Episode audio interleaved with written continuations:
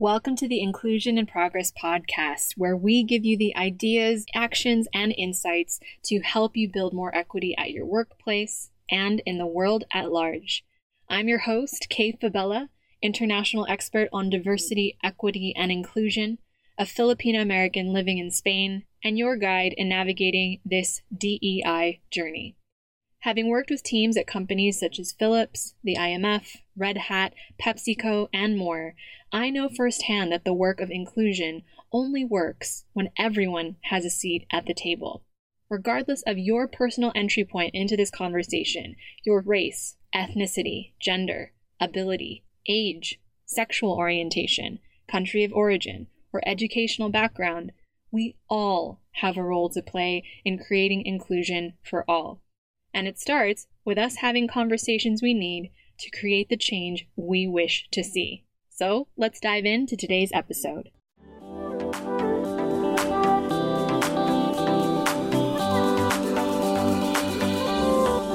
On this episode of Inclusion in Progress, we're pleased to welcome Torin Ellis. He is a human capital strategist focused on the art of recruiting diverse talent using creative methods. Torin has an accomplished background that includes 17 years of human capital efforts, military service, several board of director appointments, and an unwavering spirit of giving back to the community and emerging youth. He is the author of Rip the Resume, Job Search, and Interview Power Prep. He is also the host of Career Mix on Sirius XM Satellite Radio, as well as the co host of Crazy and the King, a podcast on iTunes and everywhere that podcasts are available. He's an incredibly dynamic speaker. Every time he shows up on my LinkedIn or my Twitter feed, he is a true joy and a light to behold. He's a fierce voice in the DEI space, and I'm so excited to have him on the podcast today. So let's dive into today's episode. All right, welcome back to Inclusion in Progress. We are welcoming today Torin Ellis, a diversity strategist, author of Rip the Resume, and a host of the Career Mix Show on Sirius XM. I'm super excited to have Torin on the show today to talk about actionable ways minority professionals can lead the conversation on diversity and inclusion at every level of your organization. So, without further ado, welcome, Torin. I'm so happy to have you here. I'm happy as well. And I just want to reinforce at every level, Kay is absolutely right that each and every one of us can participate in shifting the narrative around diversity and inclusion, equity, and belonging. Thank you so much for having me on your important podcast. Likewise, it's an honor to have you with us. And as you said, you know, it, it's super important that we talk about this at every level. And I'm so excited to dive into your awesomeness today and sharing it with our listeners. So, could you please tell us a bit about yourself, your work and obviously how you got started in the work that you do. Yeah, it's really simple. I can do it in 90 seconds. I started my career recruiting uh, in the telecom space. I worked for uh, MCI Communications, built and led one of the most successful sales teams in the entire country. When I walked away in 1998, I had no money, no business plan, but I had a good friend. And uh, I borrowed $3,000 from a dear friend of mine, bought a Dell computer, a green trash can, a neon clock, and a phone book and we started recruiting and you know just from what i experienced at mci uh, you know i was able to take that and build a multi-million dollar recruiting firm lost it when the bubble burst rebuilt it lost it again when the economic collapse uh, hit. And what i noticed through all of that Kay is that no matter how much recruiting myself and uh, other members of the team did, there was always a lack of representation. And so in 2012, I decided to put a flag in the ground and said that I'm going to move away from transactional recruiting and I'm going to focus on optimizing the recruiting process for organizations that genuinely care, and I stress genuinely care about diversity, equity, inclusion, and belonging. That's who I am. I love that. Oh, it's so so many layers to that. I love the scrappiness. I love the yellow phone book shout out. Maybe some of you listening to this may not even realize what that is, but it was a very important part of building a business. yes, it um, was. and managing contacts and and yeah, I love your whole trajectory. I think it's so fascinating. I love the stuff you put out on LinkedIn. We'll, of course, be linking to all of that in the show notes for folks to listen to. But I want to really stress because I know you've had such a wealth of knowledge that you've amassed over the past few years. And focus on you know what we were saying earlier at the start of the at the start of the show how can professionals from underrepresented groups lead these discussions around diversity equity inclusion and belonging as advocates and leaders without necessarily having that as a title within their organization and i think that from your experience working with folks at different stages of their journeys what would you say are the biggest challenges we face when it comes to I think a big part of it is finding what our voice is and how we want to contribute. So what is what are the struggles that people have at the start of their journey when it comes to finding their voice around DNI? Yeah, absolutely. And that is the number one piece. When I go into an organization, what I'm always looking for, Kay, is that individuals feel empowered. Individuals feel like they can speak up, that there's someone on their team in their business unit in their department there is an open door for reaching out and connecting with executives but that that voice has to be exercised and and so i know that for a lot of people they don't necessarily know where to start and what i often say is that creativity is an absolute absolute superpower and so all you have to do is just be curious. Find out what an organization is doing your organization you know inside of the organization around representation. What are we doing in the community beyond just building a house or encouraging people to donate blood? What are we doing uh, beyond wearing a pink ribbon on the lapel of our dress? Just be curious. What are we doing around marketing? How much money is being spent on HBCU campuses, on Hispanic and Latina serving campuses? What relationships do we have with people with disabilities? What alliances are we establishing with the LGBTQ community? There are so many ways that we can be curious. So, number one, that voice has to have I guess a layer, a tone of of curiosity. I, I, think the second thing, Kay, that we we must all do if we're going to shift this narrative around DEIB is that that we must know what stage of the business we are in. I am a firm, firm believer in that recruiting for a startup organization is entirely different than recruiting the very same role for a Fortune 200 organization mechanics may be the same, the requirements of the job and knowledge may be the same, but how you exercise and perform and show up in that role, startup versus Fortune 200, is absolutely different. And so we got to know what stage of the business we are in. And I don't think enough of us, no matter where we are, I don't think enough of us really know what stage of the business our business unit or our department is in. Is it in transformation stage? Is it in maturation stage? Is it in innovation stage? What stage are we in? Because that will also help to shape how we go about doing this work. And then the third thing that I will say is you put one, number one and number two together, it should influence you to think that this work is not something that is going to be static. It is absolutely fluid, and that we must be willing to flow with it if we are going to get the results that we say we desire. I especially love the curiosity piece. It sounds like within that there is a level of, of humility with how you approach the work, knowing that even if you have lived experiences from what I'm hearing, that you have to show up with a curiosity for learning and a desire to understand like you said the stage of business where companies at where you're at in terms of your own journey and the fact that it is it is like you said an ongoing fluid journey. I love how you broke that down. That was so there's so much gold in that. Thank you.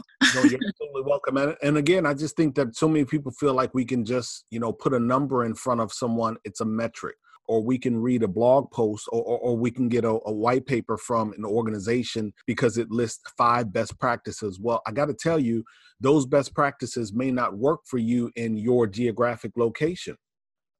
They may not work for you with the product or the service suite that your organization has. They may not work for you as an individual because, Kay, as you pointed out, you are on your own journey.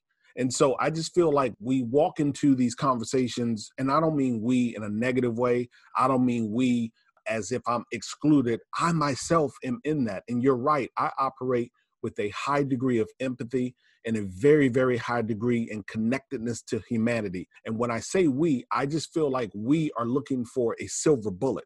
We're looking for fairy dust. Mm-hmm. There is mm-hmm. no fairy dust. We must be willing to do the work. I think all of us must be willing to do the work. And that's no matter who we are. When I say all, I mean all black, brown, Hispanic, Latina, it doesn't matter to me. When I say all, I mean all. I love that. And like you said, there's so many different layers and stages to it. It really is, I think it all starts from really the ability to kind of accept that where you're at at the start or in the middle or even, you know, further along in your journey, it, you don't automatically stop and have the sort of DNI gods just like come and land on you and give you all of the, the language that you need, or oh. the organization is just going to, like you said, have a silver bullet solution that's going to fix all of your problems. I mean, you and I have had conversations before about how it looks like where you're based out in in Baltimore and how it looks like where I'm based out here in Spain, and how organizations are realizing very quickly that as much as we would like DNI to be a kind of one size fits all solution because it would just solve a lot of problems for a lot of organizations, it really isn't. It has to be approached with a sense of humility, with subtlety, with nuance, and a desire to keep growing. Absolutely. Um, so Absolutely. I love that. So I want to switch gears here and ask you about something that's come up very often. Speaking of, you know, organizations and diversity, equity, inclusion, and belonging, this term that a lot of people have been mentioning quite often is this idea of diversity fatigue. For those of us who aren't familiar, can you define that for our listeners and how we as individuals who are listening who want to lead this conversation can overcome diversity fatigue when we're leading those those discussions at work without burning ourselves out or even burning out other people who are in the process of who we need rather on board for these discussions. Yeah so not being an academic i won't try to prescribe uh, one of those types of definitions but what i will say is diversity fatigue is individuals are tired of the deib conversation. An example you have black and brown individuals who in many organizations feel like we are the only one and and oftentimes when the D, DNI conversation rises, people look to them to be able to lead it. People look to them to shoulder that conversation. They're tired of doing that. Uh, you have black and brown people inside of organizations and others, by the way, people with disabilities and others. So please forgive me if I sound limited in the uh, definition, but I'm not. Uh, you have a variety of people that are feeling as if, you know what, we've been talking about this for 30, 40, 50, in some cases even longer than that years and we're just simply tired of talking about it because we're seeing minimal progress and, and it doesn't seem like it's eh, much more than a press release and, and so you can you can you can miss me as they say you can miss me with that conversation. You have white men inside of companies like deloitte for instance. We look to deloitte for all types of research and you know, papers and whatnot. And yet, inside of their own organization in August of 2017 or 2018, my years are beginning to run together, but they did away with ERGs because white men felt like they were not invited. Why in the world would white men feel like they were not invited? And I always take issue with people who say that we don't need white men in the conversation. Yeah, you do because they are the ones who hold the purse strings in many instances. They hold the power, they hold the influence in many organizations. And quite frankly, even if they didn't hold that, I'd still want them in there because that just defeats the entire definition for me around diversity and inclusion. And so you have white men who are tired of the conversation because they feel like every single time they see the acronym DNI, it's going to be associated or attached to a punitive discussion. That's not the way that I operate. That's not the way that my dear friend Aubrey Blanche operates with Culture Amp. She did an incredible piece at her prior organization where she talks about diversity fatigue. It's inside of their report. But look for Aubrey Blanche and look for diversity fatigue. She does an incredible job of talking about it. All I'm suggesting is that people are tired of talk, but you're not tired of talking about product roadmaps. You're not tired of talking about uh, iterating for the next phase of the business. You're not proud of talking about market grab. You're not tired of talking about Internet of Things and smart cities and smart communities and all of the. So, my point being is there is absolutely no way that I'm ever going to let up off of the gas pedal of humanity in exchange for individuals G'ing off and going to do what it is that they do and excluding large swaths of the population. As long as I have a microphone, as long as I have ableness in my body, Torin is going to show up and force you to face the fact that the DNI conversation is just as critical, just as important, and just as much as of value as anything else that you're discussing in the organization. Amen. Honestly, amen. I think that there's so much. I mean, first off, I will definitely be putting in the show notes a link to Aubrey Blanche's work. That is an amazing piece and it defines diversity fatigue very well. Second, I think it it's it really comes down to what I'm hearing is a question of priorities. If if you think that you're tired of diversity and inclusion as part of the conversation, but you're not you know you're not tired of all of these other iterations of conversations that we hear over and over in companies where they're prioritizing all of their effort and energy their r&d their resources you know it's really coming down to the story that the company is telling to their employees and the people that look to them for leadership when they're not prioritizing their people in such a critical way by avoiding the D&I conversation. Is that what I'm hearing? You are, and and, and actually, Kay, what's the alternative? If, right. if, in fact we don't go after inclusion and representation, what's the alternative? Well, I'll tell you what the alternative is. The alternative is to continue to say that 1998 phrase, war for talent. 1998. So we're talking a phrase that's been around for 20, 22, maybe 25 years that yeah. recruiters are still relying on today. We'll continue to see, you know, articles that say that there were X millions of technology jobs open and available. I get it. We know that there are always going to be opportunities, but what's the alternative? If in fact we're not going to pursue D&I substantively, like intentionally, if we're not going to do it, then what are we going to do? We're going to keep trying to poach from uh, organization A, B, and C and not redevelop and upskill new talent?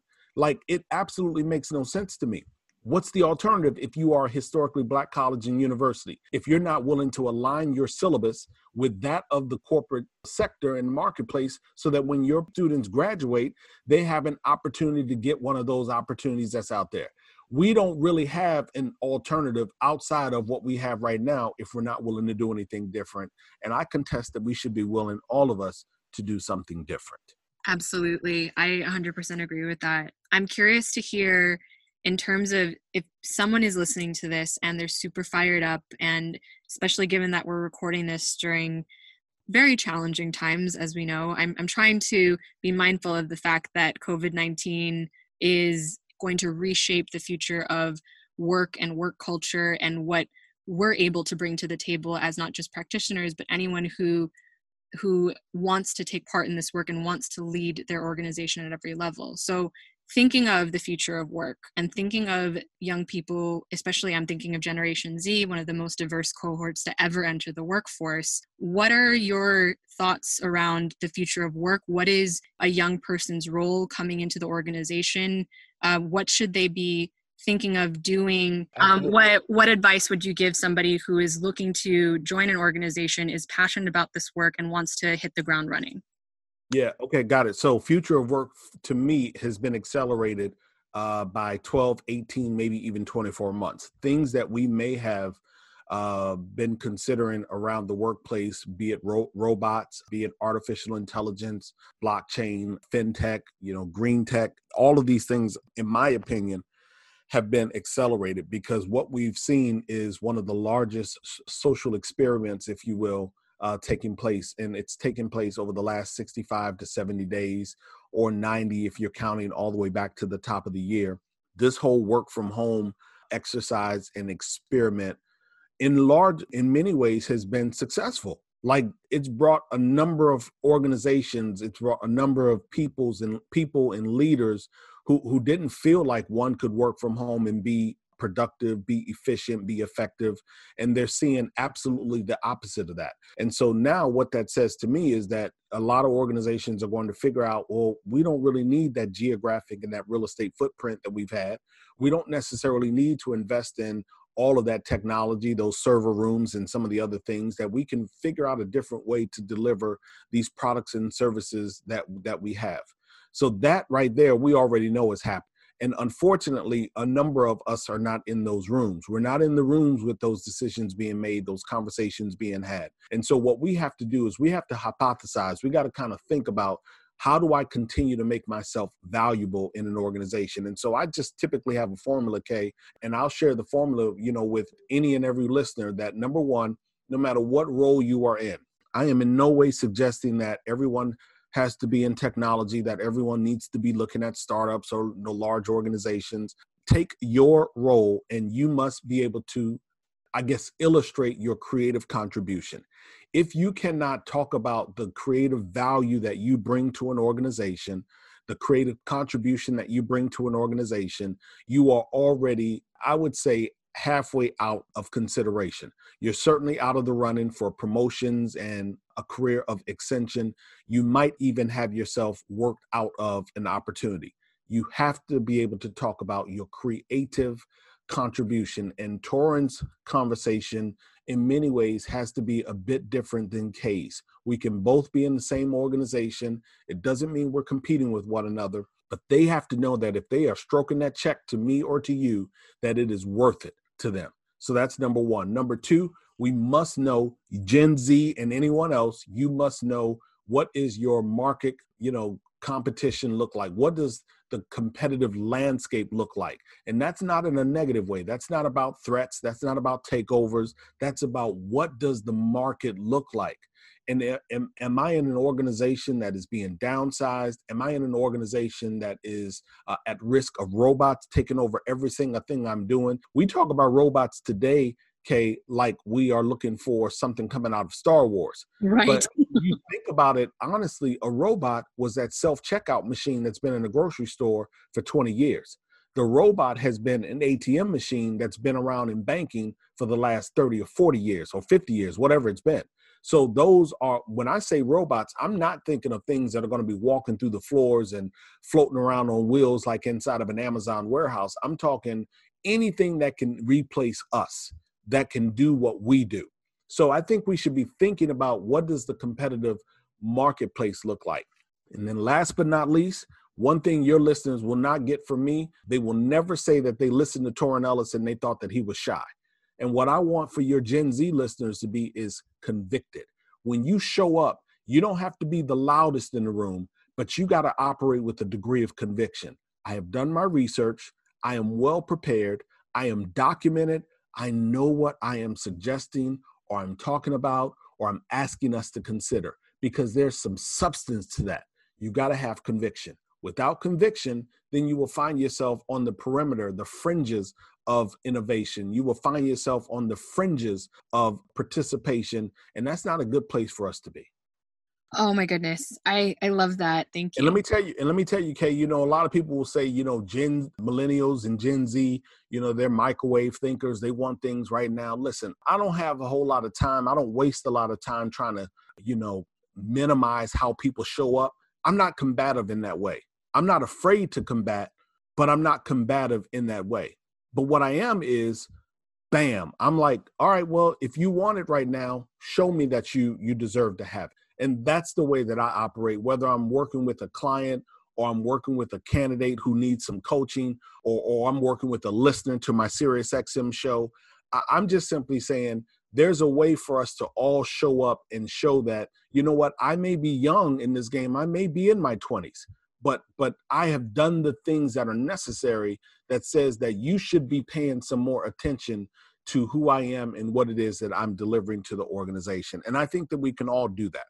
I really appreciate that. And I think to that, as a, even a follow up question that I'm, I'm curious about for my listeners is what are ways that we can, you know, even practices or habits that we can institute for our for ourselves in our free time to be able to you know either educate ourselves or create that discipline or to learn that level of even self advocacy within the organization to let let them know our value. Do you have any sort of advice that you'd be willing to give to our listeners today around those things? Yeah, absolutely. And I said at the top that creativity is it's a superpower. And so, you know, curious curiosity is is important. And so some of us we we struggle with reading books. Okay, well, let's figure out a different way to take in the book. Is it by taking in cliff notes? Is it by watching YouTube? uh, videos of, of people who have broken down certain types of books business, supply chain, accounting, graphic design, employer branding, recruitment, marketing, building your Instagram following. I don't know what it is, but let's be curious, if you will. And so let's take in and edit our diet of what it is that we are consuming. The only way that we are going to to be able to compete and especially in a DNI related conversation, Kay, the only way that we're ever going to be able to compete is we must be able to speak their language. We have to be able to hit them in a way that they will receive the information. Sometimes when we are uh, having these conversations, which is why you heard me say shift the narrative, when we are having these conversations, we are having them in ways that they are not receiving us. And so I want us to read and be curious and, and, and edit our consumption, take in information that may be a bit boring. People told me that we could not do a nationally syndicated show, not syndicated, but a nationally heard show on SiriusXM around career development, diversity, and disruption. And so for four years, Kay, I reached out to them and said, I just want three minutes on a Monday. I just want 10 minutes on a Monday for four years. For four years. Now I've been on SiriusXM going on my fifth year. So you're looking at almost a decade, four years of me trying, and now I've been on for five years because it works and people do want to hear it and people do want to listen. So I just think that it's all about curiosity, whether it be books, whether it be YouTube, whether it be seminars, whether it be talks, challenging your organization to bring in people to have uncomfortable conversations, challenging conversations, unique conversations just really being curious about what are we taking in. It's one thing to take in reality television or you know some of the video games or good music and a great cigar like i often do. That's cool but i am also challenging myself what is it that i need to know? Last thing that i'll say kay i didn't know how to do video. So when this virus hit I, instead of being uh, you know, in panic, and I have not been in panic one day. And I've lost a lot of money. I've lost business like everyone else, but I have not been in panic one day. What I have been is in a posture of I'm coming out of this better. So one thing that I'm teaching myself is iMovie.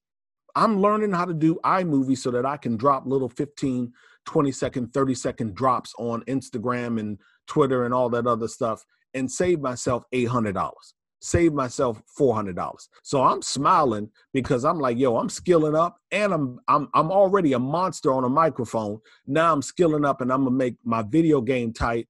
Listen, I'm going to be good by the end of 2020. That's how I feel. That's how I want our listeners to feel.